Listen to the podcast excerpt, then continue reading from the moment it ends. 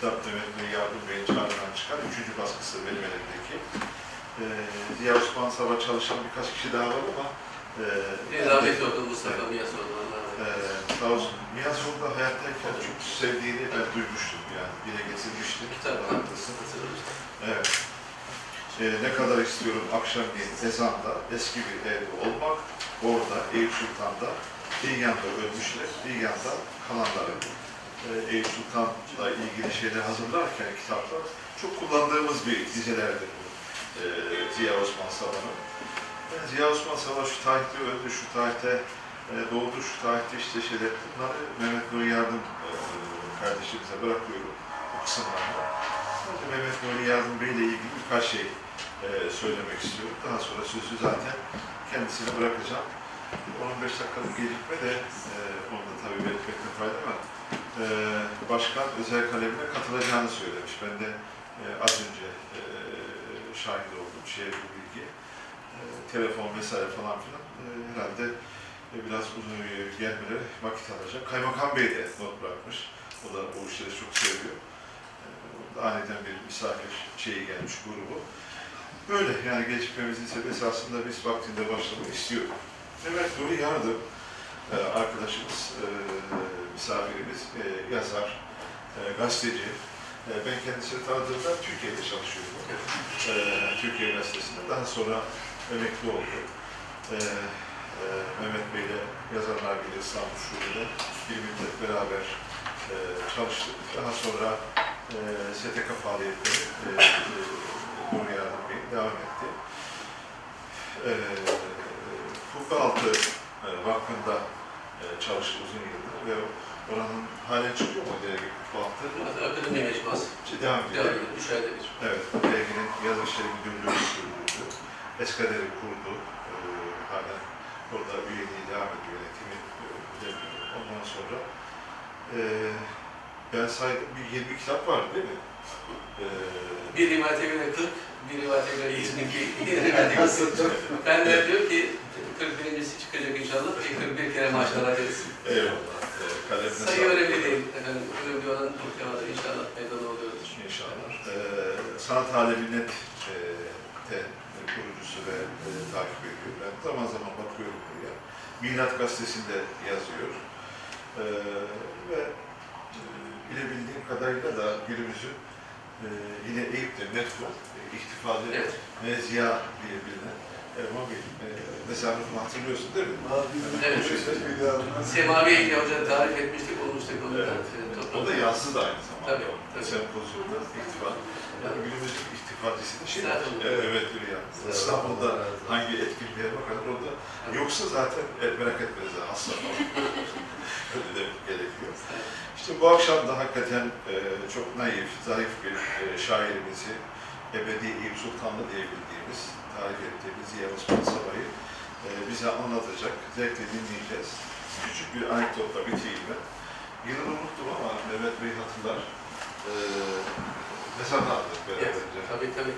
Ondan bahsedeceğim. Yani bahsedeceğim. Tabii tabii. Ama bulamadık tabii. Evet. Belki yeni bir Mezar hikayesi ayrı bir dramdır Onları hakikaten. da bize anlatacağız. Tekrar hoş geldiniz Eyvallah, hoş. Sizlere de hoş geldiniz. Evet.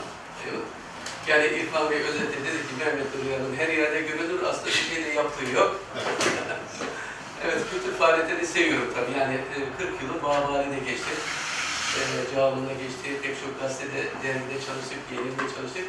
Hakikaten bana göre bereketli bir yer. Atilla İlhan'ın güzel bir sözü vardı. Derdi ki Türkiye'nin kalbi İstanbul'da atar, İstanbul'un kalbi Bağbali'de atar. Gerçek gazeteci yayıncı dosya, dostlarımız çoğu zaman terk ettiler semti. Şimdi tamamen turistik oteller falan açılıyor ama biz yine de direniyoruz. Son böyle kuşak olarak e, direniyoruz. Hani semti koruyalım diye. Hakikaten önemli bir semt. Çünkü oradan pek çok yazar, şair, gazeteci geç, geçmiş. Gazeteci Fazıl Büyükdoğu orada çıkarmış, diye Sezai Karakoç Dirilişi orada çıkarmış. Eski gazeteler hep orada. Yani Cağaloğlu bir bakıma kültürün, sanatın merkezi. Tabii konumuz Ziya Osman olunca onun da yolu oradan geçmiş. O da Bağlı dergisinde, diğer edebiyat dergilerinde yazılar yazmış. Ee, dolayısıyla o semte özel bir muhabbetimiz olduğu doğru. Efendim Ziya Osman'la tanışıklığım ne zaman başladı? Tabii bu ben o e, tanışmadık. Çünkü 57'de vefat etti. Ben o zaman henüz dünyaya gelmemiştim. 60 doğumluyum. E, ama e, eserlerinden, yazılarından, şiirlerinden ve hikayelerinden kendisini çok sevdim. Çok da bağlandım. Daha ilkokul yıllarında itibaren iyi bir hocamız vardı, Tevfik Hoca, Allah rahmet eylesin. Bize okumayı sevdirdi. Hani giderdik ve yazarlarımızın eserlerini bulup okurduk. Ben de sonra Ziya Osman'ın hikayelerini buldum ve şiirlerini de okudum ama hikayelerden özellikle bazıları beni etkiledi çünkü hatırat şeklindeydi. Yani kendi yaşadıklarını yazmış ama bir hikaye üslubu içinde. Onlardan biri de Mesut İnsanlar fotoğrafhanesi. Orada e, bütün hikayeler bir araya gelmiş. Ve e, aramızda Urfa'dan gelen bir misafirimiz var, e, arkadaşımız burada. E, yıllar sonra ortaokulun 3. sınıfını Urfa'da okumak nasip oldu. Tabii Ziya Osman'ı tanıyorum, seviyorum. Sonra o hikaye zihnimde kalmış. Mesut İnsanlar Fotoğrafhanesi. E, orada da böyle bir fotoğrafçıyı anlatıyor ama e, fotoğrafçının bir özelliği var. Tebessüm etmeyenlerin fotoğrafını çekmiyor. Yani fotoğrafını çekilecekse bir ailenin, bir gencin, bir çocuğun mutlaka tebessüm etmesini istiyorum. Böyle güzel çıksın, güzel bir hatıra olsun. Böyle somurtup duranların fotoğrafını asla çekmiyor. Ve birisi geliyor, hikayede anlatıldığı gibi birisi geliyor. Yani fotoğrafçı çeşitli şeyler anlatıyor, dil döküyor, bir türlü güldüremiyor, tebessüm ettiremiyor. Sürekli böyle yaşları çatık. En sonunda diyor ki kusura bakmayın ben sizin fotoğrafınızı çekemeyeceğim. O şekilde dramatik bir şekilde bitiyor hikaye. Şimdi Urfa'ya geldim, okula gidip geliyorum. Ee, bulunduğum evden okula giderken sağda bir fotoğrafçı dükkanı keşfettim. Cadde üzerinde. Ve ismi de Sabah e, fotoğrafçısı. Ziya Osman'ın soyadını da taşıyor. Allah Allah. Hemen böyle bir irtibat kurdum. Sonra vitrine bakıyorum. Fotoğraftaki herkes tebessüm ediyor. Tamam. tamam diyorum bu gerçekten e, gerçek o hikayedeki kahraman fotoğrafçı. Sonra fotoğrafçıyı göremiyorum ama orada böyle bir çocuk görüyorum. O da benim gibi 13 yaşlarında. E, karşılıklı selamlaşıyoruz. O beni tanımıyor, ben onu tanımıyorum ama orada geçtikçe böyle içinde o Ziya Osman sevgisi böyle kalpleniyor. Hakikaten bu nostaljik bir şey ama gerçek. Neyse e, ortaokul bitti, sonra döndüm, sonra e, nasip liseden sonra edebiyata geldim. Hayret adını taşıyor. Şöyle diyor şairimiz. İlk defa bakıyorum Rabbim her şeye. Yeryüzünü yeniden görür gibiyim. Bakıyorum renkler var, mavi, yeşil, mor. Gökyüzünde bulutlar uçup gidiyor. Yollarda insanları, kuşu, köpeği öğreniyorum yeni baştan sevmeyi. Şu alem ayar ettiğin bize ağaç, yol, yaprak, meğer her şey mucize. Anlıyorum her bir işte meramını, sevmeyi, ölmeyi, ömrün devamını. Anlıyorum şu kuş neden yuva yapıyor. Anlıyorum Allah'ım kalbim içim çarpıyor. Yani bir bakıma bu şiir bana göre Yunus Emre'nin tarzında bir şiirdir. Onun gibi, e, onun kaleme aldığı ilahiler gibi bir şiirdir. Bir, e, bir bakıma inancımızı da terennümüdür. Cenab-ı Allah olan bağlılığını gösteriyor. Bizi tefekküre sevk ediyor. Demek ki düşünmek lazım. Şu kuş neden yola yapıyor? Şu ağaç nasıl çiçek açıyor? Bu kainatı bir başka gözle bakmamızı sağlıyor. Aslında Ziya Osman'a kadar bunun üzerinde fazla durulmamıştır. Tanzimat şairlerinden bazılarında Ziya Paşa'da var. Böyle tefekkür şiirleri. Ama uzun süre, o hele Sevret Tüzgütü'nün döneminde bir bunalım edebiyatı var. Sürekli bunalım, sürekli bunalım. Ve bu artık kitaplarının da adına da yansıyor. İşte e, mavi ve siyah, e, sönmüş e, geceler, efendim e, e, rübabı şikeste, kırık bir saz. Yani Eylül, işte sonbaharı Mehmet oldu. Yani kitapların isminde de böyle bir e, üzüntü, keder, merak var. Halbuki şair, yazar bazen topluma moral de verebilir. Bugünlere bakıyoruz, Çanakkale'miz Mehmet Akif'i Çanakkale şiiriyle daha iyi idrak edebiliyoruz. İyi ki yazmış diyoruz. Yani o Çanakkale şiiri yazılmasaydı belki bugün hakikaten Çanakkale'nin değerini o kadar bilemeyecektik. İşte Mehmet Bey gibi yazarlar romanı yazmasaydı. Yani şiirler, romanlar, hikayeler bu anlamda bence son derece önemli. Geçenlerde birisi şöyle bir yorum yaptı. Süleymaniye'de bayram sabahı o kadar önemli bir şiir ki Allah korusun bir deprem olsa ve Süleymaniye yıkılsa iyi mimarlar o şiirden yola çıkarak mimar, e, yeniden imar ve ihya edebilirler. Yeniden yapabilirler. Yani edebiyat böyle bir şeydir. Böyle bir güç var. Tabii sadece bu şiirinde değil, diğer şiirlerinde de göreceğiz. Ziya Osman'da şunu gördüm. Yani bizim değerlerimize saygı var. Sevgi var. Hatta o kadar böyle evine bağlı ki bütün arkadaşları iş çıkışı bir yoluna takılıyorlar, işte yiyorlar, içiyorlar. O evden çıkıp direkt e, şey, işten çıkıp eve gidiyor. Mazlut bir insan, ailesine bağlı bir insan, İstanbul'a aşık bir insan. Evler e, Bankası'nda çalışırken biliyorsun bir onun doğumlu Galatasaray Lisesi'nde okuyor, sonra hukukla devam ediyor. Ama e, bankacılık yapıyor, mütevazi bir insan.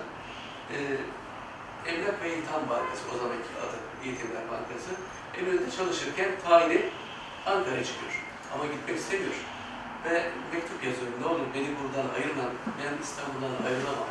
İstanbul'da köprüden e, temizcilik yapmayı tercih ederim. Yeter ki İstanbul'dan korkmayayım diye. Böyle hakikaten İstanbul'a bağlı bir insan. Ve gidiyor, istifasını veriyor, geliyor. Bu sefer varlık yayınlarında çalışmaya başlıyor. Bu sayı olarak aslında istese çok daha yüksek mevkilere gelebilir. Ama İstanbul'dan ayrılmama endişesi yüzünden e, o makamları terk ediyor ve Rezan Hanım'la tanışıyor, eşi. Rezan Hanım da bankada. Ondan sonra tabii e, bankada çalıştığı sürecinde tanışıyorlar.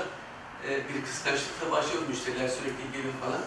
Rezan Hanım'ı Allah rahmet eylesin ziyaret etmiştir.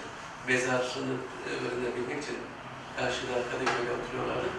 E, hatıralarını anlattı, anlattı. Dedi ki Ziya'yla tanıştıktan sonra tabii çok kıskanç. Böyle e, üstünde böyle titriyor. Sonra diyelim ki müşteri geliyor bankaya. Ona bilgi veriyorum. E, daha sonra yemeğe çıkarken sen bu müşteriyle niye çok fazla konuştun? Gerekiyor mu? gibi böyle. Öyle ya o benim müşterim yani sonuçta bankaya gelmiş gibi böyle e, güzel kıskançlık şeyleri gösterir. Ama e, hakikaten ideal bir baba, e, ideal bir eş. Yani hayatına bakıyoruz mazbut bir insan, e, çok böyle e, sevecen bir insan ve asla yetinmesini bilen bir insan. Cevdet Kudret bir hatırasını anlatıyor burada. Diyor bir gün e, evine gittim, sular kesiliyordu. Orada sonra dedim ki tedbirini aldın mı, sular kesilecek falan. Aldım aldım dedi ve küçücük bardaklara böyle su doldurmuş. Onlarla e, yediriyor. Tabii e, yakın çevresinde çok değişik insanlar var. Mesela Abdullah Şinasi İsa var ki Ziya Osman'ı çok sever. Zaten ruh ikizi diyebiliriz. Rezan şunu anlatmıştı. Bir gün Abdullah Şinasi Bey bize geldi. Çok titiz, aşırı titiz. O kadar titiz ki e, Süleyman Nazif'le beraber lokantaya gidiyorlar. E, ondan sonra Abdülhak Şinasi e, garsondan su istiyor. Evladım bir bardak su verir misin? Çok titiz, aşırı. Eldivenle dolaşıyor, her yemeği yemiyor, herkesle tokalaşmıyor böyle bir insan. Süleyman Nazif lokantada e, ikaz ediyor garsonu. Evladım suyu yıka, öyle getir. yani suyu bile yıkatan bir insan. Ee, sonra neyse Abdülhak Nasi Hisar eve geliyor, ee, anlatıyor Rezan'a. Çocuk geldi, ben duymuştum namını çok titiz olduğunu.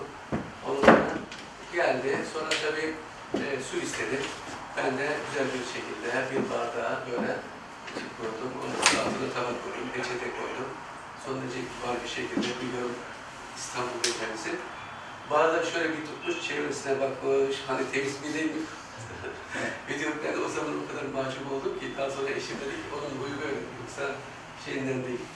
Yani e, Ziya Osman böyle bir ailenin evladı. Aslında e, büyük dayısı şehit. E, ondan sonra e, yani iyi bir aileden geliyor. Fakat Ziya Osman'ın tabii edebiyata bağlılığında şunu görüyoruz. Küçük mutlulukların adamı. Kimseyle kavgalı değil ama hiç kimseyle. Ve hikayelerini okuyoruz. Baştan sona hatıralardan öğreniyoruz. Çocukluğunu anlatıyor, gençliğini anlatıyor, askerliğini anlatıyor, evliliği, nişanlık. Nişanlık diye bir bölüm var. Hikaye olarak anlatmış. Tamamen nişanlılıkta yaşadıkları. Ve en sonunda tabii ki e, bir 29 Ocak 1957 tarihinde vefat ediyor. Vefatı da son derece böyle pek duyulmuyor. Az kişinin haberi oluyor. Sonra e, Şişli'de cenaze namazı kılınıyor. Eyüp Sultan'a defnediliyor. Aile mezarı burada. Çünkü büyük dayıları, annesi hepsi burada. Ve kendisi daha yeterken sık sık mezara geliyor aile mezarlığına. Çocuğunu da getiriyor. Büyük oğlu Osman, küçük oğlu Orhan. Onlarla da beraber geliyorlar.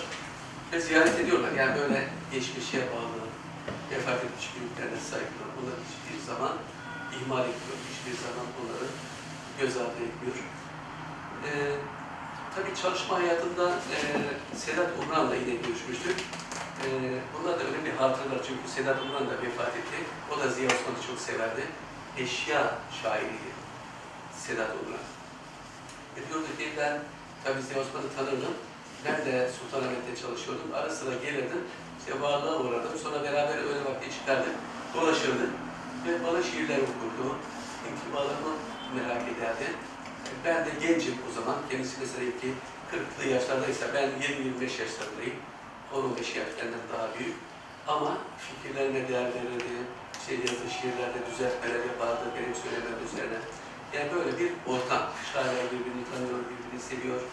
Ee, bu arada Sedat Umran'ı da rahmetli analım. Aslında böyle bunların unutulmaması lazım. Sadece ezbere şiir okuyabilecek bir şahsiyet. Sedat Umran. Ve biz yazarlarımız ya da başka mekanlarda Atatürk kitaplarında onu dinlerdik. Alman şiirinden, diğer şairlerimizden, kendi şiirinden saatler. Ben saat 8'de başlasam 12'ye kadar 4 saat ezbere şiir okuyabiliyorum. Şimdi tabii tenzih ederim ama birçok şairimiz bize bir şiir okuduk deyince hemen cebini karıştırıyor. Acaba bir şiir var mı? Ezbere şiir okuma adeti geleneği maalesef. Aslında olmalı. Bu neden kaynaklanır? Biz de çocuklarımıza küçük yaşlardan itibaren şiir ezberletiyoruz. Eski eğitimde bu var. Çocuklar şiir ezberliyor. Dolayısıyla hafızalarda kalıyor. Yani ezberleme metodu da biraz tukakla ilgili değişir. Tabii tabii doğru. Ezbere karşıyız ama bir şiir ezberlenir, bir sure ezberlenir. Yani faydalı şeyler her zaman da kullanabilir. Düşünün mesela bir çocuğumuz böyle Süleymaniye'de bayram sabahı veya Sakarya şiirini veya Orhan Veli'nin İstanbul şiirini ezberlese, ezbere okusa ne kadar güzel olur. Elbette bunlar olmalı. Yani Sedat Umran'ın o e, itibarı da ben yönelik kendisinden küçük olanlara da değer veren bir şahsiyet. Yani böyle gururlu kibirli değil. Hem kendi yaşıtlarıyla arası iyi, Cahit Sıtkı mesela yaşıtı ve Can kardeşi. Ee, Ziya'ya Mektuplar diye bir eser var biliyorsunuz. Ziya Osman'ın, e, hayır Cahit Sıtkı'nın Ziya Osman'a yazdığı mektuplar. Çok güzel mektuplar. Orada e, o da canlı yayınlardan çıktı. Tavsiye ederim. Yani mektup türüne en güzel örneklerden biridir Ziya'ya mektuplar. Orada iki arkadaş arasındaki, iki edebiyatçı, iki kişi arasındaki o sevgiyi görüyorsunuz. İnanın bazen gözleriniz yaşarır. Mesela diyor bir mektupta, Ziya'cım diyor Cahit Sıtkı. Seni o kadar çok seviyorum ki galiba şu dünyada annemden sonra en çok sevdiğim sensin. Senin yanında olmak bana mutluluk veriyor. Senin adını almak bile bana huzur veriyor. Daraldığımda, bunaldığımda imdadımı hep sen yetiştin. Bir ara intihara karar, intihar etmeye karar verir. Şahit Ama Ziya Osman inançlı bir insan. Büyük bir ihtimalle vazgeçiren de Ziya Osman'dır. Yani hayat güzel, her şeye rağmen, sıkıntılara rağmen. Böyle bir dostluk. Ee, tabii bu mektuplar tek taraflı değil. Ben de oğluna sormuştum. Demiştim ki diğer mektuplar nerede? Yani Cahit'e mektuplar. Ee, şunu söylemiştim. Şimdi babam çok düzenli bir insandı. Tabii memurdan böyle dosyalar, e, her şey hazır. Ee, arkadaşlar da gelen bütün mektupları saklamış. Dolayısıyla Ziya'ya mektuplar, e, yani kendisine gelen bütün mektuplar Cahit Sıtkı'nın bir dosyasına. Ve onları yeni bir alıp basıyor diye bir. Ama rahmetli Cahit Sarık biraz derbeder bir insan. yani nerede yatıyor, nerede kalkıyor, nerede değil, bir İstanbul'da, bir Ankara'da, bir Diyarbakır'da gidiyor, geliyor ise kurulu bir düzeni de yok. Ve e, o mektupları korunuyor, kayıp. Sonra Osman Sabah büyük oğlu demişti ki galiba yeğeninde olabilir, bunu araştırıyoruz ama oradan da sonuç çıkmadı. Demek ki kayıp olmuş o mektuplar. Halbuki keşke onlar da korunsaydı ve o mektuplar karşılıklı bir kitapta toplansaydı. Yani yayınlanmadı değil mi şeyler? Yok yayınlanmadı. Sadece Yok. Ziya'ya mektuplar var ama karşılıkları yayınlanmadı. Mesela buradan Ziya Osman'dan Sıtkı'ya, buradan da Sıtkı'dan Ziya Osman'a karşılıklı neler konuşuluyor. Tabii eski dönem ben bu mektup edebiyatına da bir hayli e, merak saldım. Hatta yazı editörlük dersleri veriyorum 10 yıldır. Orada da mektup türünü işliyoruz. Eski edebiyatçılarımız mektubu sadece böyle bir beşeri bir araç olarak kullanmıyorlar. Farklı hayatı soruyorlar. Edebi tartışmalar yapıyorlar. Münakaşalar yapıyorlar. Namık Kemal'in 10 bine yakın mektubu var. Sami Aygül'ün 3 binden fazla mektubu var. Ve bütün bu mektuplarda bir mesaj var, bir fikir var. Edebi konuları tartışıyorlar. Dolayısıyla keşke bütün mektuplar yayınlansa. Eski ve yeni yazarların, şairlerin mektupları yayınlansa. E, bu da çok önemli. E, mesela dost mektupları var Yaşar Nabi'nin. Orada da Ziya Osman'dan Cahit Sıtkı'dan mektuplar var. Çünkü Varlık Dergisi'nin başında ve gelen bütün mektupları topluyor, onlardan seçme yapıyor. Böyle bir kitap. E, yani bir bakıma mektup eskiden yazarların, edebiyatçıların e, ulaşım aracı, irtibat aracı. Şimdiki e-postalar gibi. Şimdi de biliyorsunuz artık kimse mektup yazmıyor. E, ama e-postalar var. Hatta ben öğrenciler diyor ki sahiden mektup yazın böyle bir yakınınızı sevindirin, şaşırtın. Postaneye gidin, kulda yapıştırın, gönderin. Erzurum'daki teyzeniz sevinsin. Aa, gerçekten bir mektup gelmiş yıllar önce. Kaybettiğiniz bir adeti yeniden yaşatalım. Çünkü hakikaten güzel bir gelenek.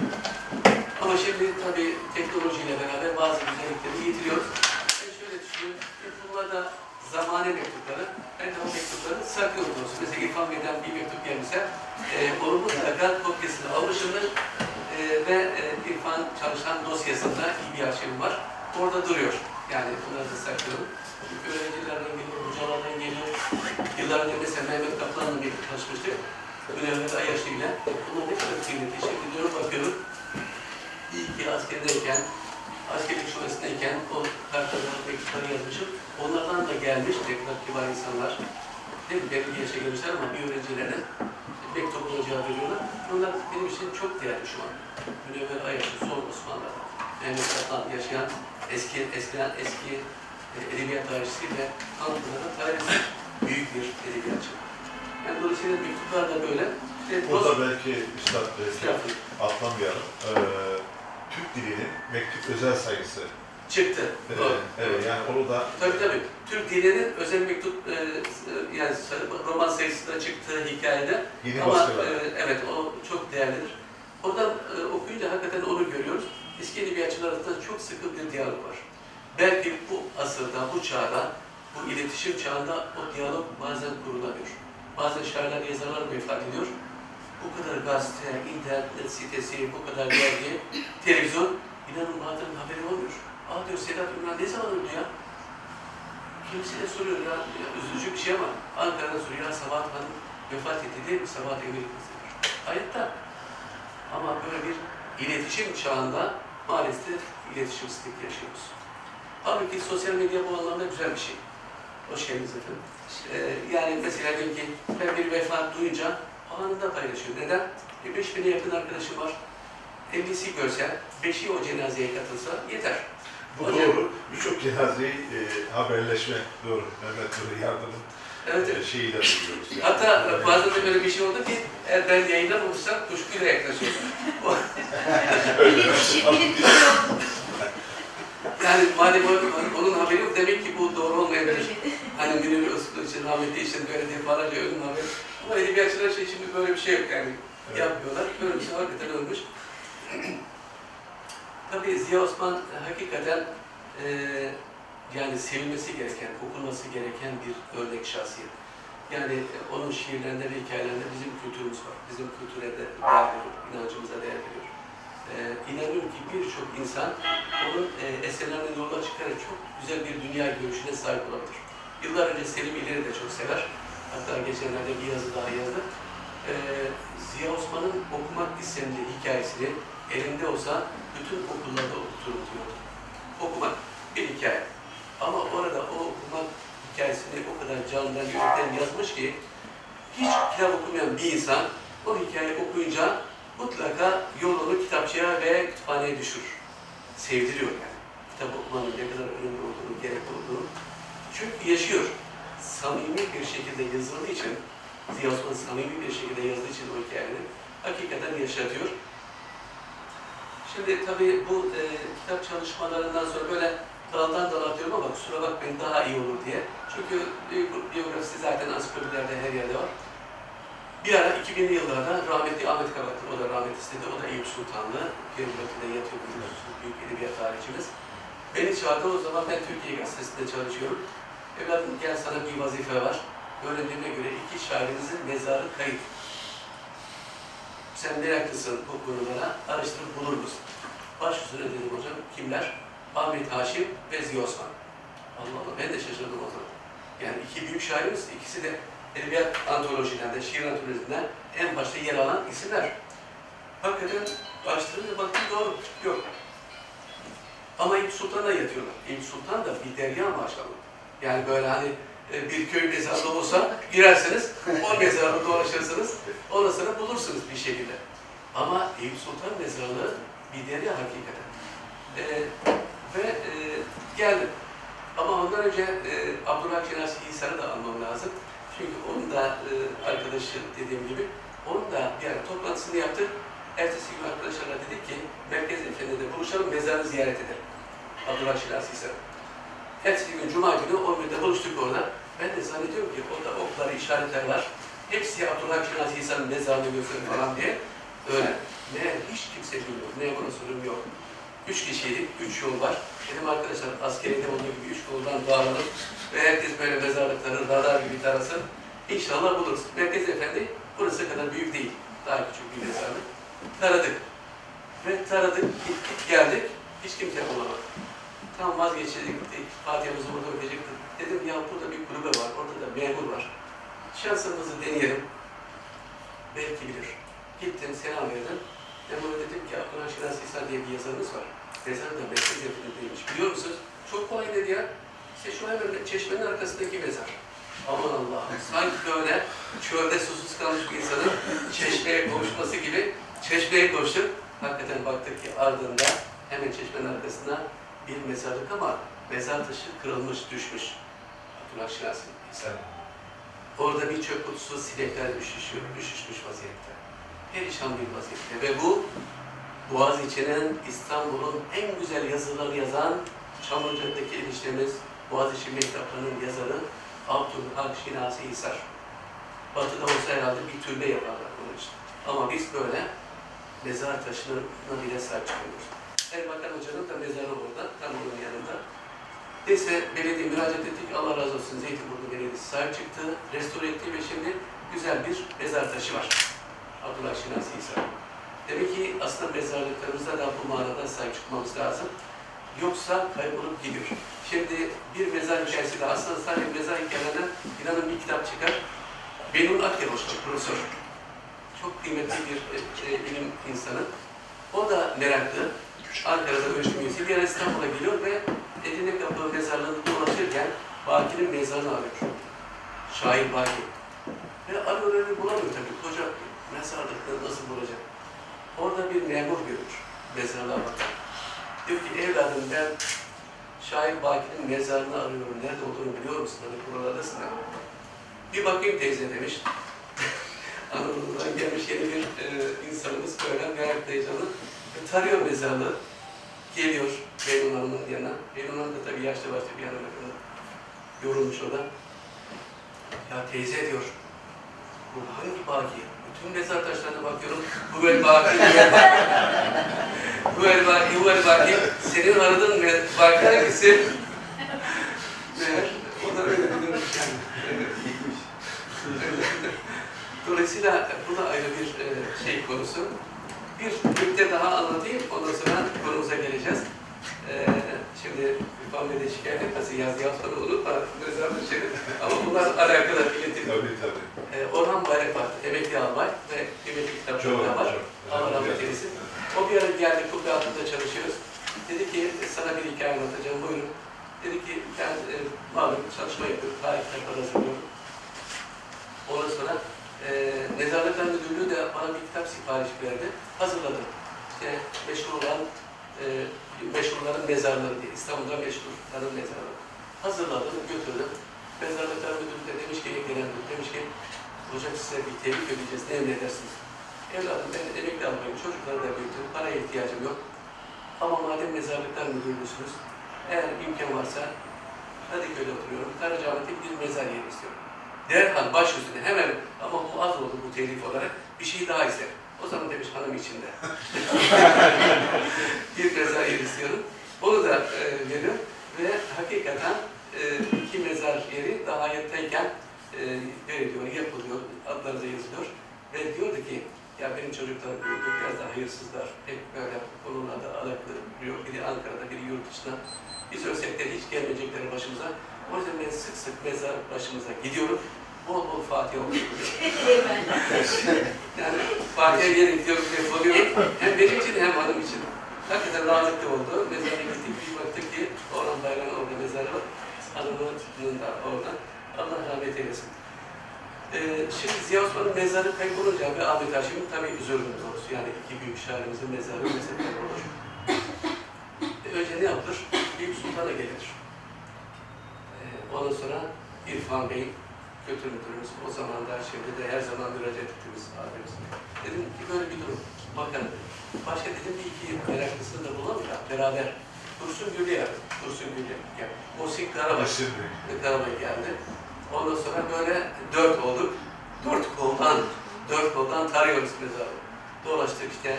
Eee ne merdiven? Bir merdiven var. Kırklar merdiven.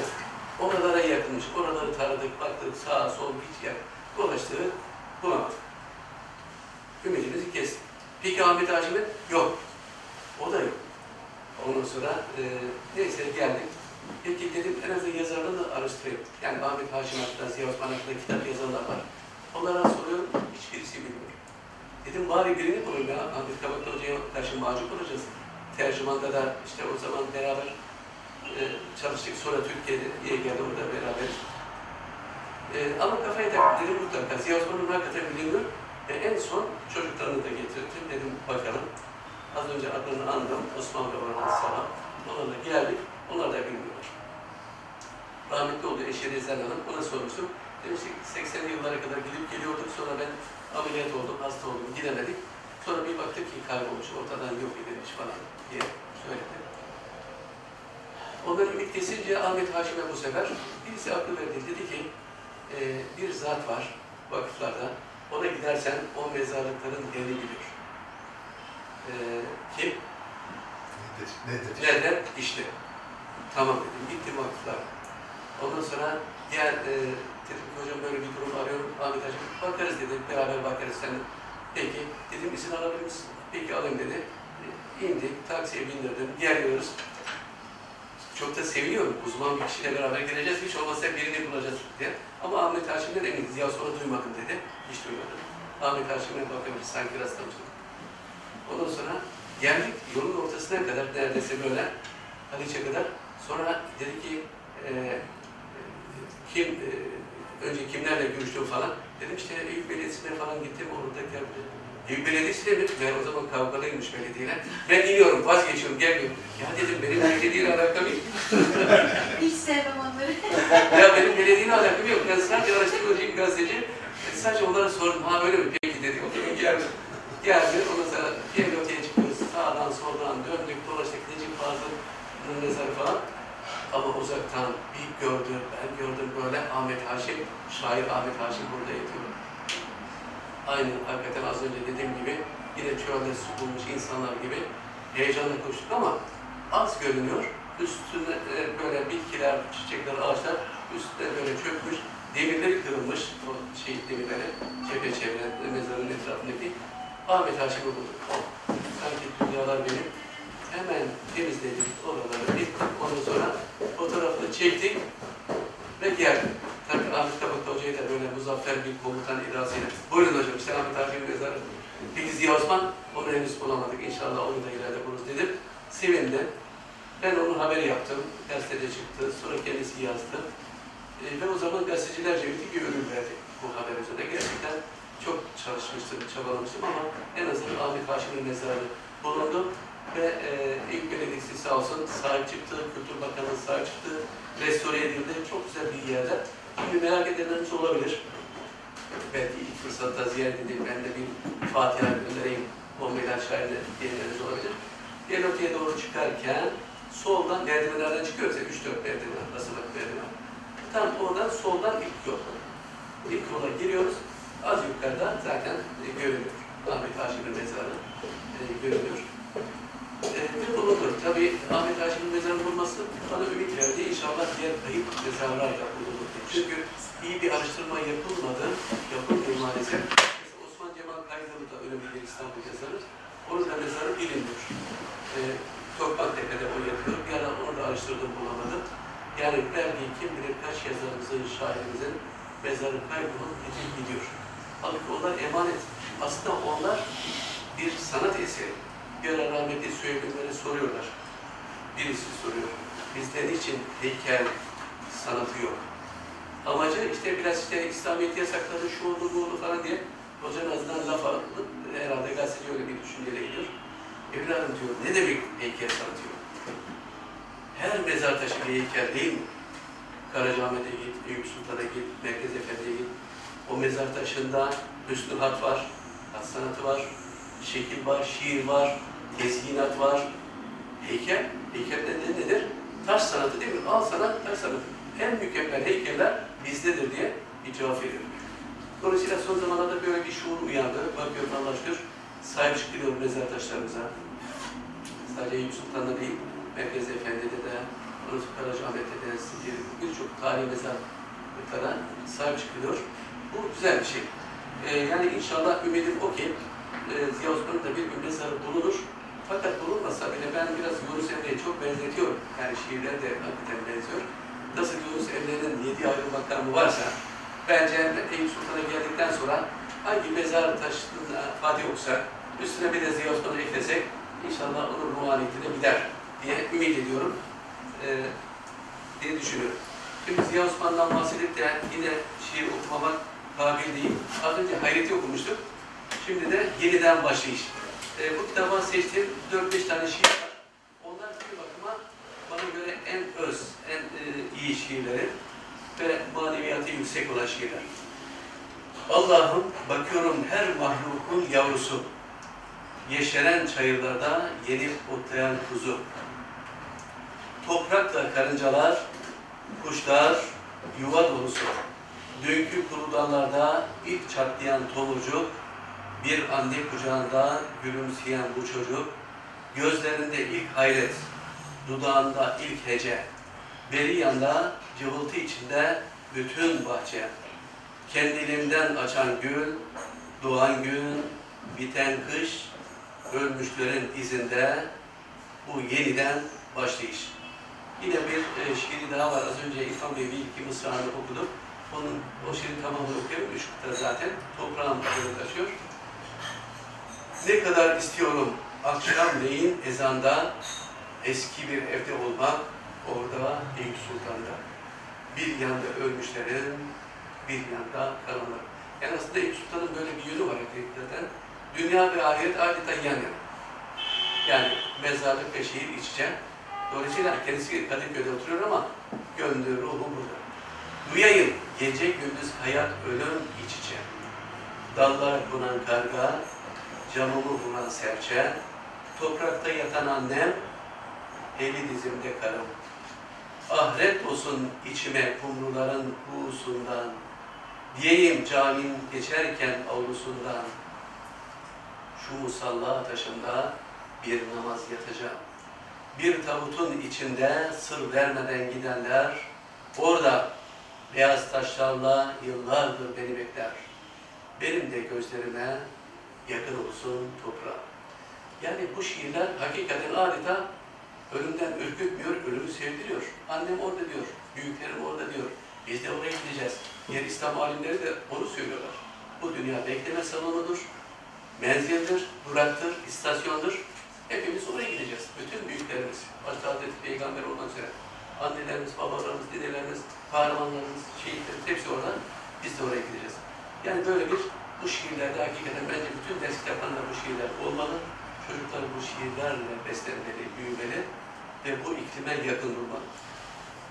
Evet, e, Ziya Osman hakkında tabii e, şöyle, biz biraz vefat edenleri daha çok seviyoruz. Aslında keşke yaşayanları daha çok sevsek, yani onlar da görseler, ama benim kıymetim ne biliniyormuş. O yüzden son yıllarda saygı toplantıları arttı. Son 20-30 yılda çok yerde yapıyor. Yazarlar Birliği, Eskadır yapıyor, Ali Emir Efendi de Büyükşehir yapıyor, Büyükbiriz, herkes yapıyor. Yaşayan şairler, sanatkarlar, hattatlar hakkında saygı toplantıları. Bunlar bence çok önemli. Yani adam 80 yaşına gelmiş, ömrünün hasanatına vermiş, şiir yazmış, resim yapmış, beste yapmış. E bu insanlar hatırlanmalı, onlara teşekkür ediyorum. Bunlar yapılıyor, bu güzel bir şey. Ama Ziya Osman hakkında sanıyorum tek bir saygı toplantısı yapılmadı. Keşke yapılsaydı, keşke görseydi. Ee, hatta Cevdet Kudret e, yazısında diyor ki, şimdi e, mezar me- mezarı başında çok güzel şeyler söylendiği anlatıldı. Şimdi e, inanıyorum ki belki de mahcup olmuştur. Çünkü çok mahcubiyetkar bir insan. E, böyle utanırdı kendisinden bahsedilmesinden, kendisinin ölmesinden böyle utanırdı Ziya Osman. Böyle bir e, mütevazi duruşu vardı.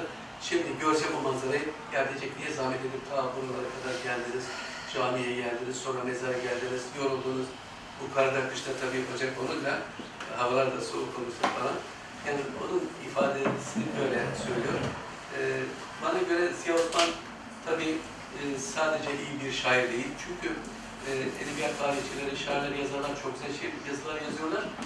Ve e, çok farklı dünya görüşünden insanlar. Dediğim gibi Cemal Süreya, Doğan Hızlan, İsmet Özel, Mustafa Kuyasoğlu. Yani bugün tabirle İslamcı, Türkçü, e, solcu, sağcı, bütün insanlar, bütün edebiyat çevreleri Ziya Osman'a saygı duyuyor. Demek ki bize dokunan, e, bizim iklime dokunan şeyler söylemiştir. O bakımdan beşeri söylemiştir ve hakikaten sevmiştir. İyi ki sevildi ama keşke bu yazıları o hayattayken de görseydi. Gene de vefatından sonra yazılan bu yazılar. Sağlığındayken de tabii eserler hakkında yazılar yazılmadı değil. Ama biz bazı yerleri sonradan keşfediyoruz. Mesela Ahmet Hamdi Tanpınar şimdi keşfedilmiş bir yer. Yer gök Tanpınar diyor. Sağ, sol, herkes. Yurt dışında da baskıları yapıyor mütezeler. Ama bilir misiniz ki huzur adlı romanı 40 yıl çöp, e, depolarda bekliyor. İkinci baskısı yapılmıyor. Hiç satılmıyor. Yani Ahmet Hamdi Tanpınar'ın kitabına dönüp bakan yok. Ne zamana kadar? 80'li yıllar kadar. Rahmetli hocamız Mehmet Kaplan ondan sık sık bahsediyor. Sonra Fethi Naci bir şekilde ondan bahsediyor. Dergah yayınları kitaplarını basıyor. Ve Tanpınar yavaş yavaş yavaş yavaş tanınıyor. Şu anda bütün edebiyat çevirilerinin en çok okuduğu bir yazar. Hak ediyor mu? Ediyor. Ama hayattayken yok. Yani hiçbir gazeteci kitabından söz etmiyor. Hiçbir yazar kitabından bahsetmiyor. Böyle bir garip e, huyumuz da var. Şimdi biraz e, bu kırıldı. İşte bu dediğim gibi saygı toplantıları yapılmaya başlandı. İnsanlar birbirlerinin değerini bilmeye başladı. Aslında bu önemli. Yani sadece vefat ettikten sonra değer bilmek yetmiyor. Sadece edebiyatçı olması değil, şart değil. Bazen büyüklerimiz, dayımız, teyzemiz, babamız, annemiz, komşumuz, belki kapı, e, kaç, e, komşumuz, bakkal, belki selam verdiğimiz insan bir an bir vefatın duygusu var. Çok üzüldüm ya. O bakkal bizim adeta artık aileden birisi gibiydi deriz. Veya bir terzi. Zaten sayıları da azaldı bu esnafın biliyorsun. Şimdi insanlar markete gidiyor, kırtasiyeyi de, ondan sonra bakkaliye, her şeyi oradan alıyor. Dolayısıyla o küçük esnaf mağdur olmuş vaziyette. Ben de dostlarıma diyorum ki lütfen onları özellikle ziyaret edin. Yani onlardan alın ya. Eğer bir yani bakkaldan alınabilecek bir şey varsa oradan alın. Market zaten dolup taşıyor. Ama o da bir kader. Yani yavaş yavaş onlar azalıyor. Ziya Osman hakkında e, inanın e, çok yazı yazdım. Yani gazetelerde saymadım ama belki 50-60 yazı yazmışımdır. Dergilerde, gazetelerde. İki kitap hazırladım hakkında. Ama gündeme geldi. Şimdi Can Yayınları bütün eserlerini yayın, yayınlıyor. Daha önce Alkım Yayınları basıyordu kitaplarını. Bir şekilde gündeme geldi ama mesela e, vefat doğumunun 100. yılında onun için Mecai Sıtkı için o zaman e, İstanbul için bir to- toplantı yapılmıştı. Yani e, Aksafer evet, evet, evet İstanbul. E, mesela orada andık. Sonra Gülhane'de Gülhan. Tanklar Müzesi'nde Evet. yaptık. Ee, hani İstanbul Sanat Kültür Şehri seçilmişti biliyorsunuz. O dönem evet, 2010. 2010'da. 2010'da doğumunun 100. yılında bir toplantı yaptık. Çok da iyi oldu. Hem sergisini açtık. Bütün fotoğraflar, kitaplar. Hem de o dönemin bazı yazarları, Orhan Okay, Ali Ural, başka böyle e, geldiler, Beşir Ayvazoğlu e, ve hakkında mektuplar yazdılar. Yani onlara mektup yazdılar, o mektuplar orada seslendirildi. Sonra e, o sevgi gezildi. Ya bu e, şahsiyeti sık sık hatırlamak gerekiyor. E, kanaatimce mesela e, Ziya Osman okumaları niçin olmasın? Bunu şu anda Allah söyletti belki. Ben olsam Eyüp Sultan'da Ziya Osman okumaları yaparım. Bütün o şiirlerini, hikayelerini böyle ayda bir, haftada bir, 15 günde bir okurum ve meraklı gençleri, şiire meraklı gençleri toplarım. Ziya Osman'ı tanısınlar. İnanın şimdi gençlerimizin yüzde 99'u şiir yazarların yüzde 99'u tanımıyor. Ben de onlara diyorum ki, bütün zanaatlerde olduğu gibi edebiyat da usta çırak münasebetiyle gelişir. Ziya Osman Necip Fazıl'ı tanıyordu. Necip Fazıl Mehmet Akif. Mehmet Akif muhalim o şey galip. Böyle Fuzoli'ye kadar, şeye kadar gider. Ama günümüzde bir bakıyorsunuz, geliyor, efendim ben şiirler yazdım. Güzel, okuyorsunuz, yok. Yine kubbe altındayken bir e, şair kardeşimiz geldi. Teziyede tabii bütün gençler öyle değil, okuyan da var. Geldi, elinde poşetler, efendim ben şairim dedi, siz de kitap çıkarıyorsunuz. Şiir kitaplarımı basar mısınız? Allah Allah, bir de kitaplarımı hani desek bir kitap belki düşünür de. Elinde poşetler. Oturttum, bir çay ikram ettim. Sonra şark, ver bakayım şu şiirlerine bir bakalım, neler yazıyorsun falan. Bakıyorum tabii bir taraftan şiirlerine. Yok, şiir değil. Kaç şiir yazdım? Valla sayısını saymadım ama az önce kitaplarda dedi ya İrfan Bey, yaklaşık 10 bin şiir yazdım. 10 bin şiir. Ya dedim koca Yahya Kemal hayatı boyunca 257 şiir yazmış. Sen 10 bin şiiri ne zaman yazdın? Sonra da hesaplıyorum taraftan matematik belki değil ama doğumundan itibaren 19 yaşına kadar. Hani doğumunu da saysak, bebekle de şiir saysak, e, gü- e, günde kaç şiir geliyor? Onun matematiğini yapmaya çalışıyorum ama işte içinden çıkamıyorum. Olmuyor. Dedim ki peki kimleri okudum mesela? Divan şairlerini de sormadım ama mesela e, Mehmet Akif, Necip Fazıl, Sezai Karakoç, Atilla İlhan, sağdan soldan Nazım Hikmet kim? Hiçbirini okumamış. Hepsinin çık çıktı yok okumadım. E, peki en son artık dayanamadım dedim. Niçin okumadım kardeşim ya bu usta şairleri, büyük şairleri isimlerini duymadım. Yok isimlerini duydum ama okumadım. Niçin? Etki altında kalmamak için. Bahanesi de bu. Ama dedim e, çok yanlış bir bahane. Bütün büyük şairler, bütün iyi şairler, usta şairler bir önceki neslin e, ustalarını okumuşlar, etki altında kalmışlar. Ama o etkiden de sıyrılmışlar ve kendi çizgilerini bulmuşlar. Sen de okuyacaksın. Hatta sana şimdi hemen bir liste yapıyorum. Bir reçete gibi, doktor reçetesi. 10 şairin ismini yazdım. Dedim şimdi artık şiir yazmayı bırak. Zaten maşallah 10 bin şiir yazacaksın. Şiir yazma. Sana şiir yazmayı yasaklıyor. Peki ne yapacaksın? Bu 10 şairin kitaplarını alacaksın. Asaf Ali Çelebi, Ziya Osman, biraz daha anlayabileceği şairler söylüyorum. Orhan Veli, Necip Fazıl böyle 10 şair. Günümüzden de Sezai Karakoç. Geldim, listeyi aldı. Memnun olmadı galiba. Çıkış, o çıkış bir daha da hiç uğramadı. O zannediyordu ki nasıl Anadolu'dan gelip bir türkü patlatarak un kapanında şöhret olan sanatçılar varsa İbrahim Tatlıses gibi olması ben de şiir kitabı çıkarırım, yayınlarım, meşhur olur. Böyle değil, şiir ustalık ister, demek ister, anlatır ister. Kolay değil hakikaten yani. Mesela rahmetli Talip Buğra bir röportajda demişti, küçük A'yı en az 20-30 defa yazmış, yırtıp atıp yeniden yazmış. Roman şiir değil. O roman da 400 sayfaya yani bir eser kolay yazılmıyor. Kim bilir kaç geceye, kaç yıla mal olmuş yani o küçük ağa. Ama ondan sonra muhteşem bir eser ortaya çıkıyor. Yücel Çakmaklılar'ın filmini yapıyor. Televizyonda seyrediliyor TRT'de ve bütün bir millete tarih şuuru veriyor. Bir eser deyip geçmemek lazım. Bir eser yazdı ama ta 80'li yıllarda hatırlarsınız Küçük Ağa, Osmancı, o diziler tarih bunun eserleri hakikaten çok faydalı oldu. Yani dolayısıyla Ziya Osman gibi iyi şairleri, iyi sanatkarları bence önce bizim tanımamız lazım, sonra çevremize, bilhassa gençlerimize tanıtmamız lazım. Ben şuna inanıyorum, hani sayfayı ile Orhan Veli'nin güzel bir sözünü duymuştum ama hangisinden tam bilmiyorum. Şiir yazan bir insan cinayet işleyemez. Adam öldüremez. Yani Ziya Osman'ı okuyan bir çocuk kanaatimce kötü olamaz. Faydalı olur, hayırlı olur. Ailesine, annesine, babasına, arkadaşına ama kötülük yapmaz. Fitne, fesat yapmaz, dedikodu yapmaz. Yalan söylemez. Yani bütün bunlar bu e, emareler nedir? Aslında dinimizin, İslam'ın, örfümüzün değil mi, geleneklerimizin gerekleridir. Yani edebiyat da vasıta olabilir. O yüzden böyle yazılar, şairler bence gençlerimize bilhassa okutmamız lazım. Hem gençlerle okumalı hem de böyle e, kütüphanelerde, toplantılarda gündeme girmeli. E, yavaş yavaş e, toparlayacağım e, ve son bir şiiri de paylaşayım. Sonra belki sorular da olabilir. E, Rabbim nihayet sana diye Facebook'ta paylaştım. Çok sevdiğim bir şiiri paylaşayım sonra tamamlayalım. Rabbim nihayet sana itaat edeceğiz. Artık ne kin, ne haset, ne de yaşamak hırsı. Belki bir sabah vakti, belki gece yarısı. Artık nefes almayı bırakıp gideceğiz. Ben artık korkmuyorum. Her şeyde bir hikmet var. Gecenin sonu seher, kışın sonunda bahar.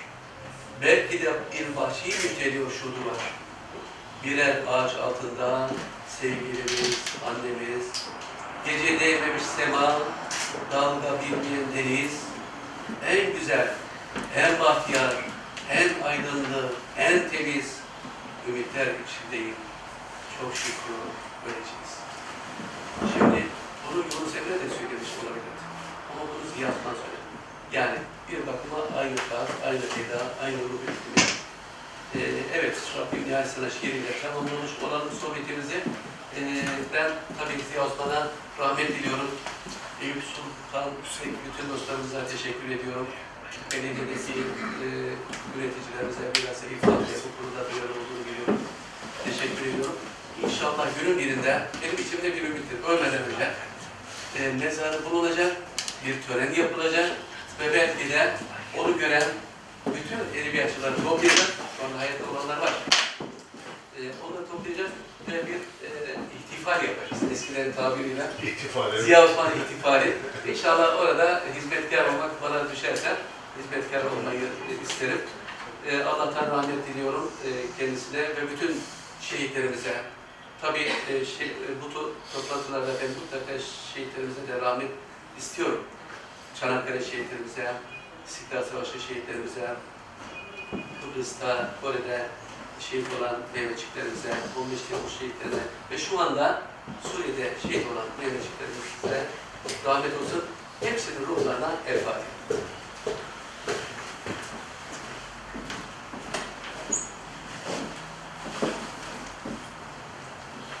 Evet, soru varsa cevaplarınızı ben çalışırım.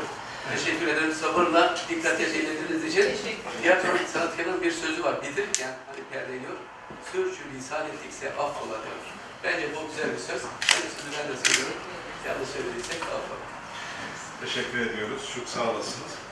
Ee, ben de istifade ettim. Ee, yani kitabı hızlı bir şekilde gözden geçirirken gördüm ki e, zaman zaman e, üzerine bir daha geçmek gerekiyor. E, diğer onlardan bir tanesi. Şimdi e, konuşurken e, Hülya'dan dinleyelim şeyi esasında. Biz kabul bulamadık ama Mehmet Ulu Beylerle birlikte aradığımızda başka türlü bir e, proje geliştirildi. Onu Hülya Hanım'dan dinleyeceğiz birazdan. Yani ne yapılabilir? E, gerçekten mezar bulunamazsa e, belli ki bir e, yol şeyiyle e, Ali Hocam gitmiş mezarı. Böyle almış bu yani. Evet. Kök merdiven civarında Erman Bey e, operasyon olmuş. Mezar gitmiş yani. Çünkü çok dikkatli aradık. Ee, sorduk soruşturduk büyük şehirlerinde e, bulamadık. E, yani e, kaldırılmış e, olması muhtemelen büyük bir şeyle ihtimalle. E, ama ne yapılabilir birazdan e, bir yandan dinleyeceğiz aramızda konuşurken Ziya Osman Sabah ile ilgili ne yaparız diye. E, şimdi bir de buna Cemal, e, Osman Cemal Kaygılı da eklendi. E, Ahmet Haşim'i bulduk. Bulduktan sonra e, mezara başında anma yaptık. O fotoğraflar halen arşivimizde duruyor. E, E, önemli bir şey. Bir de şu anda korunaklı. Aynı şey Baki için de e, geçerli. Erman Bey yakın zamanda geçti oralardan. Baki'nin mezarı da aynı şekilde bize ulaştırıldığında onu da e, mezarın e, ufak tefek tadilatını, tamiratı ve yazarlar birliğini yaptık. E, mezar başında Fatiha okuduk, bir merasim de yaptık. E, şu anda gidildiğinde Baki'nin mezarını bulabilmek, kitabesini, şahidesini vesaire falan e, mümkün. E, hatta bu anlamda e, bir e, e, projede geliştirildi ama e, şey bulamadık, fırsat bulamadık. O da şöyleydi, e, e, Şeren hatırlaman lazım. E, 15, 2015'teydi galiba. Devlet Başkan'ın şeylerini 5 yıllık periyotta yapacaklarını sıralarken orada zikrettiğimiz bir şey vardı. E, Sultan-ı Şüera e, isimlendirmesinden hareketle e, şiirin sultanları Eyüp Sultan'da oluşuyor diye bir başlıkla e, şöyle yapmıştık. E, Cumhuriyet döneminde e, Sultan-ı Şüera namı altında bir belgeyle tarif edilen tek kişi var. O da Necip Fazıl Kısakürek. Hayattayken o zaman Ondan önce de Baki var. işte Osmanlı'da Baki. O Osmanlı'da. Tabii. Ama Cumhuriyet döneminde Necip bir belgeyle devletin oradan yani bakanlık ve merasime katılıp gelmiş Evet evet. Hakemede. Atatürk, Atatürk kültürüne. Mahkemede o merasime katılmıştık. Dolayısıyla bir belgeyle devletin e, Sultan-ı Şüera olarak e, tatif ettiği Cumhuriyet döneminde tek şair var. O da Necip Fazıl. Nerede metro? Tabii. Eyüp'te. Mi? Osmanlı döneminde belki eksik olabilir bilgim ama benim bilebildiğim kadarıyla Sultan-ı Şüera diye Baki Baki. isimlendiriliyor. O da Eyüp'te, yani o taşçılarda. Dolayısıyla ikisini birleştirip biz Devlet Başkan'a bunu e, teklif etmiştik. O da şeyini aldı, seçim beyannamesini almıştı. Ee, şiirin sultanları e, Eyüp Sultan'da oluşuyor. Yani hem Necip Fazıl hem Baki'de yani onun şeyi altında. O kadar çok şair var ki Mehmet Akif, Ahmet Haşim. İşte yani bu ünvandan yola çıkarak Tamam. yani Osmanlı'nın Sultanı Şüerası, Cumhuriyet'in Sultanı Şüerası, oradan hareketle uluslararası Haliç'in kenarında bir e, şeye beraber gitmiştik bilirsin bunu. Evet. Bu Sapanca şiir akşamları var ya, Evet evet. hemen Sapanca'nın kenarında yapmışlar Evet. platform. Biraz da oradan Şuturbe'ye gitmiştim. Orada da gördüm. Orada da gölün kenarında, Ohri Gölü'nün kenarında. Sanki öyle bir şey olabilir diye başkan da hoşuna gitti, yapalım dedi. Ama işte bir kaygı maalesef. İnşallah e, olur yine. e, Olabilir o. İnşallah olur. Şimdi bu mezar meselesine gelecek olursak, eğer başkan gelseydi, az önce telefon etti e, yanındaki özel kalemdeki arkadaşlar, e, gelemeyeceğiz diye. Kaymakam da geleceğim dedi, o da gelemedi. Ben özellikle Mehmet Burdi Bey'e konuyu aç diyecektim. Yani şeyi, e, bu mezar meselesini. Çünkü devletin, yani mülki erkanın bizzat müdahil olduğu konular biraz daha hızlı değil mi Erman Bey? E, çözülüyor yani. Eğer kaymakam bir işin içerisinde olsaydı, belediye başkanı işin içerisinde, mezarı bulmasak bile bir makam konusu. Evet. Evet, ne yapacaktık Hülya Hanım? Anıt onun için. Çünkü annesi onun için çok önemli. Annesinden dolayı Eyüp çok önemli. Tabii. Bütün bu an, olayları anlatan bir anıt mezar Hikayelerinde çok geçer, şeylerinde geçer. Tabii. tasarlamayı düşünüyoruz. Daha Çok güzel. Belki fikir verir diye onu arz edeyim. Şimdi biliyorsunuz büyük sanatkar Tamburi Cemil'in de mezarı belli değildi. Geçenlerde e, vefat eden, Allah rahmet eylesin, ben cenazesine gittim, Necdet Yaşar. Necdet Yaşar, e, çocukluğunda tahminen işte merkez evinde de şu noktada dedi ve gidildi. Orada o nokta dediği yerde bir sembolik mezar yapıldı. Tamburi Cemil mezarı. Aydın Yüksel hatta yaptı böyle güzel estetik bir şekilde. E, ve şu anda Tamburi Cemil'in orada mezarı var. Ama tam belki altında değil, belki yakında ama o, civarda. Önemli olan insanlar oraya gitti, gidince bir Fatih okusun. Tamburi Cemil gibi Türk musikisinin dev büyük bir ismi unutulup gitmesin.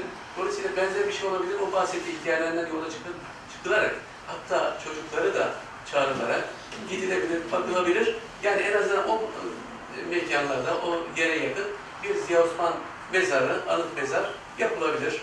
E, mütevazi bir şey olabilir. Çünkü o da böyle- böyle anıt Çok mezar gibi değil de sade bir şey olabilir, estetik bir şey olabilir. Ve bence olmalı. İnsanlar gitmedi orada Aziz Osman mezarına gidiyorum diye en azından her sene vefat yıllarında ziyaret edebilir. Bence çok hayırlı bir çalışma olur.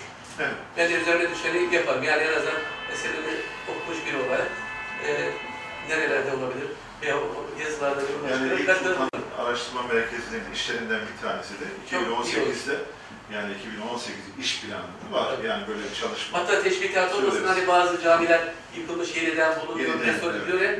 Bunu da o şekilde görüyorum. Yani Osman Cemal Kaygılı gibi büyük bir İstanbul yazan mezar yoksa hepimizin üzülmesi gerekiyor. Öyle. İnşallah. Osman Cemal Kaygılı onu da not edelim. Evet. Şeyde Toplantepe'de. Toplantepe'de. Toplantepe Tamam, diye bir tamam. şey kalmadı. Kalmadı, için. evet. Mısır tarlası mezarlığına Evet. aslında nakledilmiş Evet. Toplantepe'nin bir Oraya bakmak lazım. İnşallah Müdürüm bir şey söyleyebilir miyim bu Aha. konuda? Aslında çok iyi bir noktaya geldi. Yani bunu Ziya Osman Sabah bu akşam olduğu için tabii örnek. Hı hı. Osman Cemal Kaygılı ve birkaç tane daha ben tahmin ediyorum varken bunlar tekrar tekrar olmayacak bir çalışma ve projeler. 3-4 neyse hepsini böyle bir paket halinde hazırlayarak, yerlerini tespit ederek yani Güzel. ayarlamak Güzel. daha iyi olur diye, olur diye düşünüyorum. Daha, daha, daha güzel. Doğru. İnşallah doğru. çok iyi olur. Bunlara çalışalım. Şimdi e, hem e, değerli izleyicilerin sorularına katkıda bulunmak için ben bir meseleyi e, Mehmet Nuri Bey'in şeyleriyle e, açmak istiyorum. Bu da e, Ziya Osman Sabah'ın Türk Cumhuriyet e, şairliği içerisindeki kişiliği, şiiri vesaire falan Behçet Necatigil'i çok benzetiyorlar. Tabii, Yani evet. edebiyat tarihi araştırmacılar. Birbirlerini çok severler. Sever. Hatta Necati Oraya biraz bahsedelim. Necati Gil'i e, edebiyata ısındıran da, teşvik eden de Ziya Osman'dır. Ziya Osman yaş olarak daha büyük. E, ve dolayısıyla Necati Gil hatıratında zaten söylüyor. E, beni teşvik eden bir insandı. Hatta ev şiirleri var Necati Gil'in. Evet. E, onu da daha çok Ziya Osman'dan ilham alarak yazıyor. Ve en güzel şiirleri de e, yazıyor hakikaten Necati Gil. E, dolayısıyla aralarında böyle bir ruh akrabalığı var. Yani aile yaşantısı da benziyor. Necati Benziyor. Mesela o malum çevrede bulunmuş olmasına rağmen çok mazbut bir hayatı var. Mazbut ve müzevi. Müzevi, Beşiktaş'ta, müzevi de. evet Beşiktaş'ta Beşiktaş'ta. bir e, ev, Evet. evi var. Öğretmen. Orada, orada oturur, öğretmen. Evet. E, ve hakikaten en güzel aile şiirlerden birini yazan Necati Gil'dir. Ama buna vesile olan da Ziya Osman. Yani Ziya Osman'ın böyle e, gizli hocalıkları vardır. İnanın e, çok cepheleri. Mesela e, Varlık Yayınları Cengiz Dağcı'nın romanını yayınlıyor. Mükemmel romandır. Ama o romanları Türkiye Türkçesine aktaran Ziya Osman'dır. Bunu kimse bilmez. Hatta derler ki ya Cengiz Dağcı Türkiye Türkçesini ne kadar güzel. Halbuki onu Ziya Osman hazırlamış yani. Tabii Cengiz Dağcı da tabii Türkçe konuşuyor ama Türkçe yazıyor. Ama sonuçta Kırım Türkçesi, tam İstanbul Türkçesi değil. Türkiye Türkçesi değil. Onları redakte eden, Türkiye Türkçesine uyarlayan ve e, edebiyatımıza kazandıran Ziya Osman Sabahtır. Yani bunu da unutmamak lazım. E, dolayısıyla böyle bir Yaşar e, Yaşar Abdülhamid Nabi. Şinasi İhsan'ın Hamdullah. eserlerini de varlıkta yayınlatan yine Ziya Osman. Yaşar Nabi Yücel'in Yaşar çok Nabi ile etkisi var. tanışıyor tabii tabii. tabii. E, çok seviyorum. O kadar etkisi var ki yani bunu tabii e, Yaşar Nabi'yi de rahmetle almak lazım. Ziya Osman hasta oluyor, kalp krizi geçiriyor, çalışamaz durumda oluyor. Yine de maaşını gönderiyor. Ufak tefek böyle bazı dergiler gönderiyor, hani tavsiye etsin diye, oyalansın diye. tabii. Ama hiçbir zaman onu böyle muhtaç duruma Nabi'nin- Bu da bir Evet. patron olarak Tabii. Yaşar bir güzelliği. Bakmak lazım. Yani Evet. birçok yani insana Tabii. böyle şey katkısı var. Tabii, Yaşar. elbette. Ziya Osman'a sahip çıkması, e, Cengiz Dağcı'ya sahip çıkması, Abdullah İhsan'a sahip çıkması bir yayıncı olarak hakikaten onun Evet. artılarıdır yani. Peki devam edelim. Ee, birazcık daha vaktimiz var. Bir 5-10 dakika daha. Osman Ee, Cemal Kaygılı'yı andık ya, inanın o da ayrı bir değer, ayrı bir dünya. Ee, maalesef e, yazar ama geçinemiyor. Talebeyle geçinemiyor. Tabii o zaman e, çok sıkıntılar da var. Ve çarşamba pazarında sebze satmak zorunda kalıyor. Sebze meyvesi satmak zorunda. Dağlardan böyle sebze alıp getirip satıyor. Yani Osman Cemal Kaygılı. Ve tabii çok sıkıntılar yaşıyor, hasta düşüyor. E, Günün birinde asıl soyadı biliyor musunuz? Kaygısız. Ama mahkemeye müracaat ediyor. Hakim bey diyor ki ben soyadımı değiştirmek istiyorum efendim. Niye? Ne yapacaksın? E, soyadım kaygısız ama ben kaygılı yapmak istiyorum. Ya ne gerek var bak. Efendim ben hayat karşısında kaygılıyım, geçinemiyorum, sıkıntılar yaşıyorum. Onun için ben böyle yapıyorum. Peki diyor, madem sen istiyorsun. Peki talim değil. Ve Osman Cemal kaygılı oluyor yani kaygısı adam. Böyle bir e, hatırası da var. Rahmetli. Onun bir artısı bir de hocam Aslında o da biliyorsunuz. O da Eyüplü. Tabii, tabii. aynı şeyi söyleyecektim. Tabii. Onun artısı bir de o Eyüplü. Yani aslında mesela şöyle bir şey yapılabilir. Eyüplü sanatkarlar, özellikle unutulmuş sanatkarlar bir seri olarak katılanabilir. Mesela bu toplantıdan hemen sonra Osman Cemal Kaygılı'nın için olmasın. Ahmet Haşim'in için olmasın. İşte Erdem Beyazıt var, yeni vefat eden. Böyle bir seçme liste hazırlayıp e, bunların mesela Bahattin Özkişi, Edirne Kapı şehitlerinden, o da e, Eyüplü. Değil mi? Yani Önemli birisi. Bahattin Özkeş çok kıymetli bir romancı. O da yeni yeni tanınan birisi. İnşallah böyle bir çalışma olursa ben de katkıda bulunurum. Nasip olursa. Evet, yani Sorun e, varsa e, hem şeyle ilgili, e, Ziya Osman Sabah ile ilgili hem de konuşulanlar bağlamında belki e, laf laf açıyor. E, sorularınız, katkılarınız varsa. Benim, benim aklım şimdi. öyle. Şimdi e, Nazım Hikmet'le e, ilişkisi var mı? Çünkü şiirde öyle bir şey aldım ki ilk okuduğum şiirde böyle Nazım'ın böyle bir şeyi vardı, e, esintisi vardı. Nazım Hikmet'le Yani daha çok ilişkisi e, olmuş mu? daha e, daha çok e, Cahit Sıtkı biraz e, yakın duruyor. Ziya Osman e, kavga adamı değil. E, kavga anlamında söylemedim. Değil, evet. Biraz şu, hayır münasebeti pek olmamış. Ben rastlamadım en azından ama Cahit Sıtkı var ve ona şiir de yazmış. Şimdi Cahit, e, Ziya Osman'a bir ara bir gazeteci e, soru soruyor. E, herhalde e, ideolojik bakışı belli olan bir gazeteci biraz da sorgularcasına efendim siz hep böyle İstanbul'dan, çocukluktan, ahiretten, işte Rabbim diye başlıyorsun falan. Yani hiç işçilerden, işçi haklarından, sendikalardan, köylerden, köyde yaşanan acılardan, sıkıntılardan bahsetmiyorsunuz. Mesela köylerde ne oluyor, bitiyor, bu işçiler nasıl geçinir falan. E, niye bunları yazmıyorsunuz diye sorguluyor. Diyor ki, efendim ben İstanbul doğumluyum, İstanbul şairim, İstanbul yazarıyım. Ben İstanbul'u gördüm, İstanbul'u anlatıyorum şiirlerimde ve hikayelerinde. Başka yeri anlatamam. Görmedim köyleri nasıl anlatabilirim? Onu da başka yazarlar yazsın, başka şairler anlatsın. El verir ki gün, bir gün benim de yazdıklarımdan lezzet olacak olan okuyucular olur. Şiirlerimden haz duyacak olan, hikayelerimi sevecek olan okuyucular olabilir. Yani beni olduğum gibi kabul ediniz diyor. Aslında son derece de doğru. Yani bir insanı zorlayamazsınız. İlle de maden işçisinin hikayesini yaz. Ya maden işçisiyle bir sefer görüşmemiş olan bir insan yazamaz. Neyi yazacak? Beşiktaş'ı yazacak, Eyüp Sultan'ı yazacak, Kadıköy'ü, Nişanlı'nı anlatacak, eski İstanbul'u anlatacak. Değil mi? Yani İstanbul kültürünün nedeni. Belki Ankara'ya gitmemesinin sebebi de o. Tabii. Yani Ankara'ya ideolojik bir bakış değil. Yani Cumhuriyeti falan değil. Tam tersine İstanbul'a o kadar bağlı ki, o kadar aşık ki bir hikayesini yalvarırcasına söylüyor. Ne olur ben şu köprüde, Gazi Köprüsü, köprü deyince orası anlaşılıyor eskiden. E, temizlik yapmaya razıyım, bir çöpçülüğe bile razıyım. Ama ben İstanbul'dan ayırmayın, başka yerde yaşayamam diye söylüyor ve gidiyor hakikaten istifasını verip geliyor. Yani bu kadar İstanbul'a tutkun bir insandan söz ediyor ve baştan sona bütün eserlerde İstanbul var, İstanbul kokusu var. Yani yazarları da olduğu gibi kabul etmek lazım. Yaşar Kemal tabii Çukurova'yı anlatacak. Ziya Osman İstanbul'u anlatacak yani. Herkes doğu büyüdüğü yerlerden bahsedecek. Daha gerçekçi, daha sahi olur. Ama tanıtılması gerçekten çok önemli. Çünkü e, yani ben sadece toprağım şiiriyle biliyorum kendisini.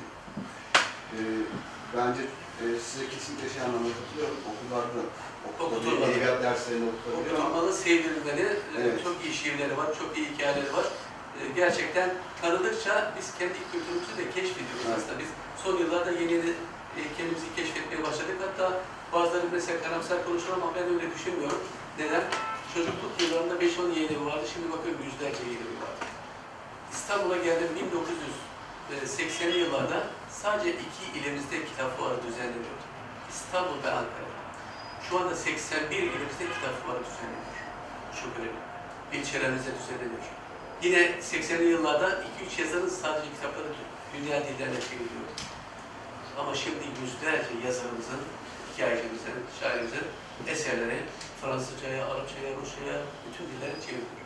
Bütün bunlar aslında güzel gelişmeler ve şu anda dünyada en çok kitap üretilen e, 13. ülke, 11. ülke sırasında çıktık. Bunu da Gençler Birliği açıklıyor.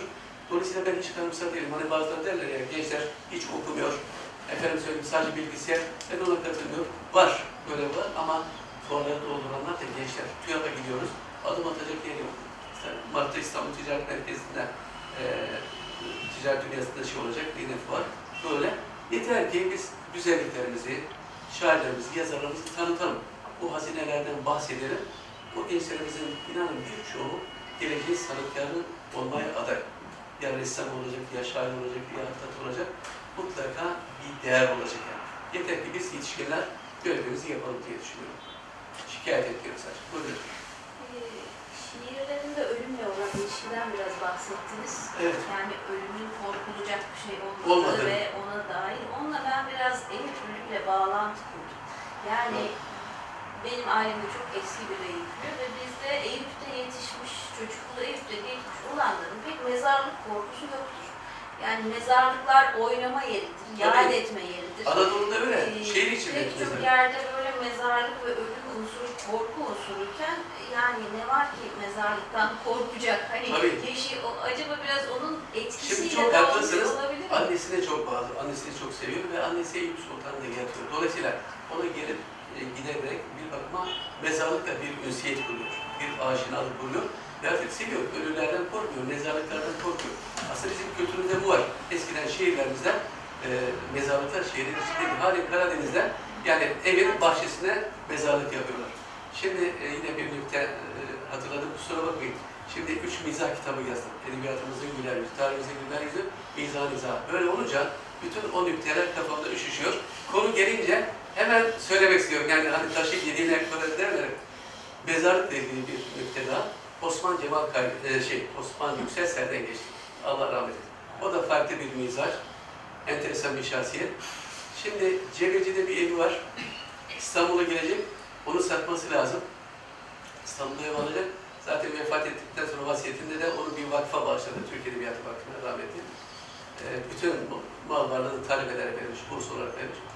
Bir idealist bir insan. Osman Yüksel Serlengeç. Necip Fazıl'ın da yakın arkadaşı. Şimdi evli Cebeci'de ama biraz böyle kör bir yerde. E, Bodrum gibi, yarı Bodrum gibi hep e, alıcımız çıkıyor. Emlakçı satamıyor.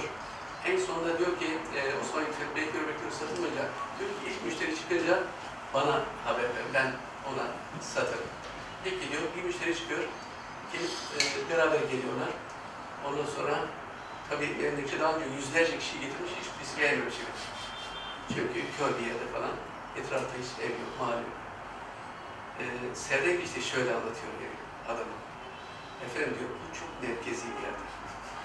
Burayı hiç kaçırmayın. İleride hakikaten çocuklarınıza, evlatlarınızla da güzel bir hatıra olur. Onlar da buraya bırakmaz.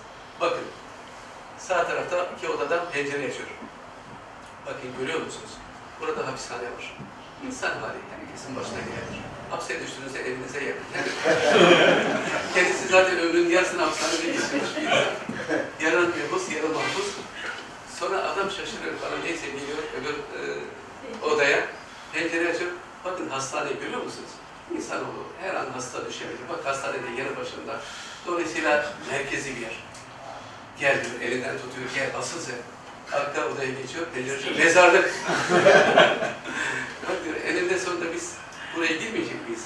Bak, hastane, hapishane ve mezarlık. Çok merkezi bir yer yani. Onun için burayı kaçırmak. Adam kabul ediyor, inanıyor ve hemen satın alıyor. Emlakçı da orada şaşırıyor.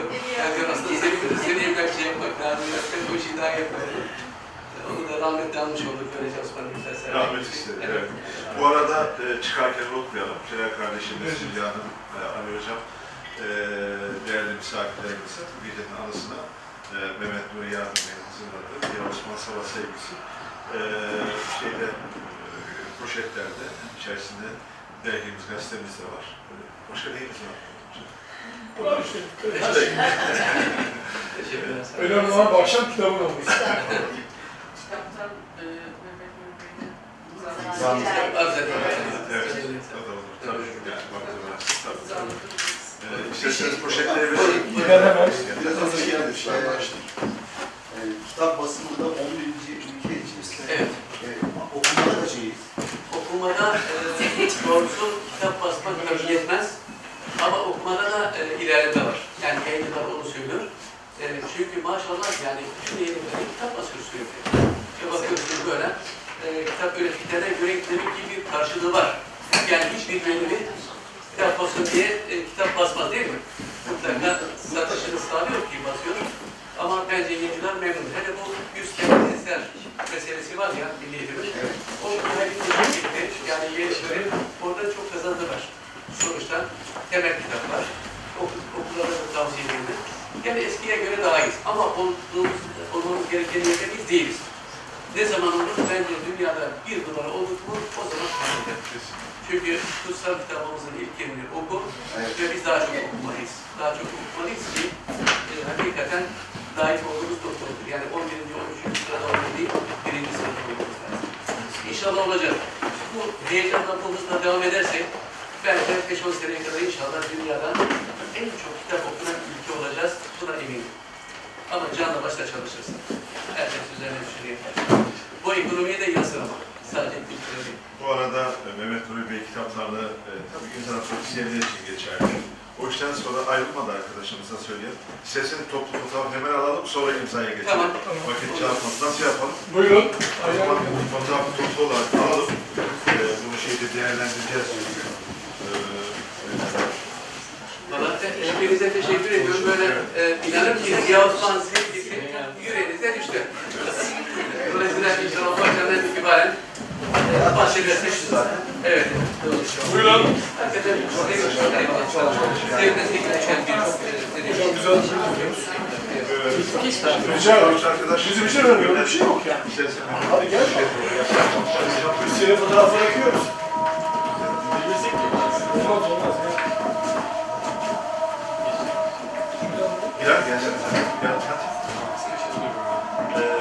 Şimdi arkadaşımız bize yönlendirirse nasıl duracağız, nasıl şey yapacağız? Şu an sığıyoruz.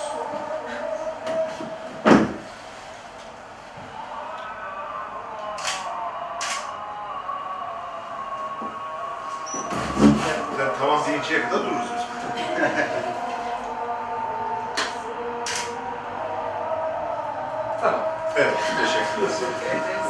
müsait olanlar için. Buyurun. Evet, Afiyet evet, olsun. Afiyet hocanıza. Ben başlayayım. Hocam gelir misin? Hocam. Herkes zaman kaç tane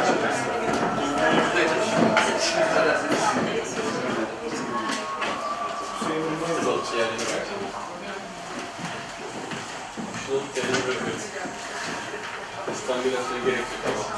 Zaten güzel anladım.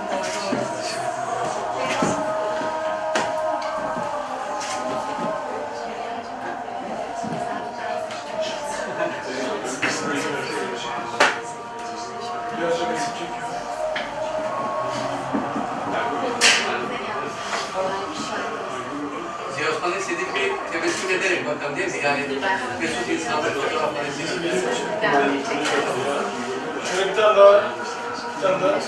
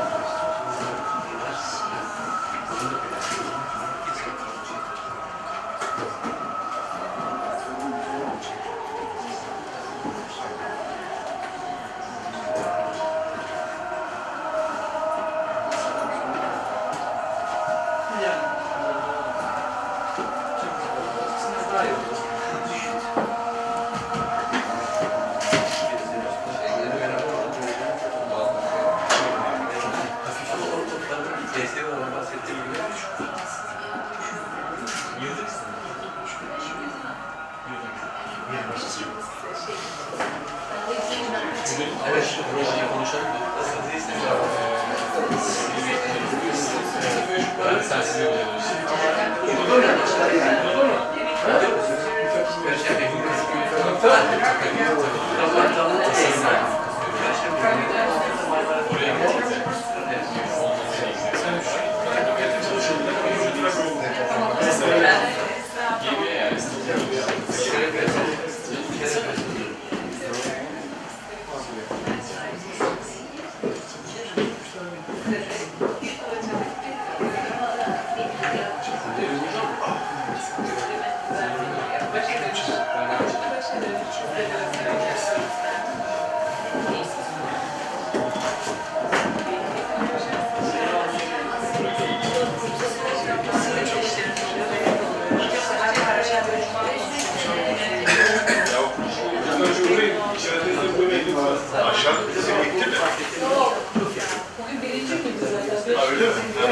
Hafta değil. Yok yok. Oralardasın. Efendim bir e, izninizle İkram Bey bir duyuru da yapabilir miyim? Tabii. Bağbari Enderun sohbetleri başladı Cağaloğlu'nda. Her Perşembe günü saat 6'da. E, bu Cağaloğlu'nda e, yere bakan Sardıcı hizasında orada Bağbari lokantası var. E, bekliyoruz. E, her hafta çok değerli bir kültür adamı geliyor. Bu hafta da Marmara Türler var. Marmara Kıraathanesi'ne devam edenler 60'lı yıllarda. E, çok değerli kültür adamları, yazarlar, sanatçılar. E, hatıralarını paylaşacaklar. Başta İlhan Bey olmak üzere e, hepinizi Vakti müsait olan. davet ediyoruz. Teşekkür ederiz. Sağ olun.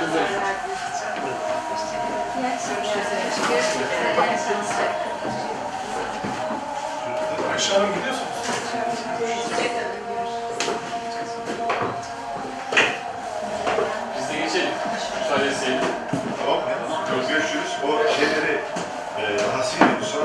İstersen. Geliyor mu hocam? Sonra Bilal'in getirdikleri biraz bakıyoruz. Tamam ama Bilal Gazetecileri Siyasi partileri öğrendik. Siz konuyu Ben diğerlerini Yarın yapayım. alırsın sen. Ben masadayım ya. O zaman tamamlayayım ya.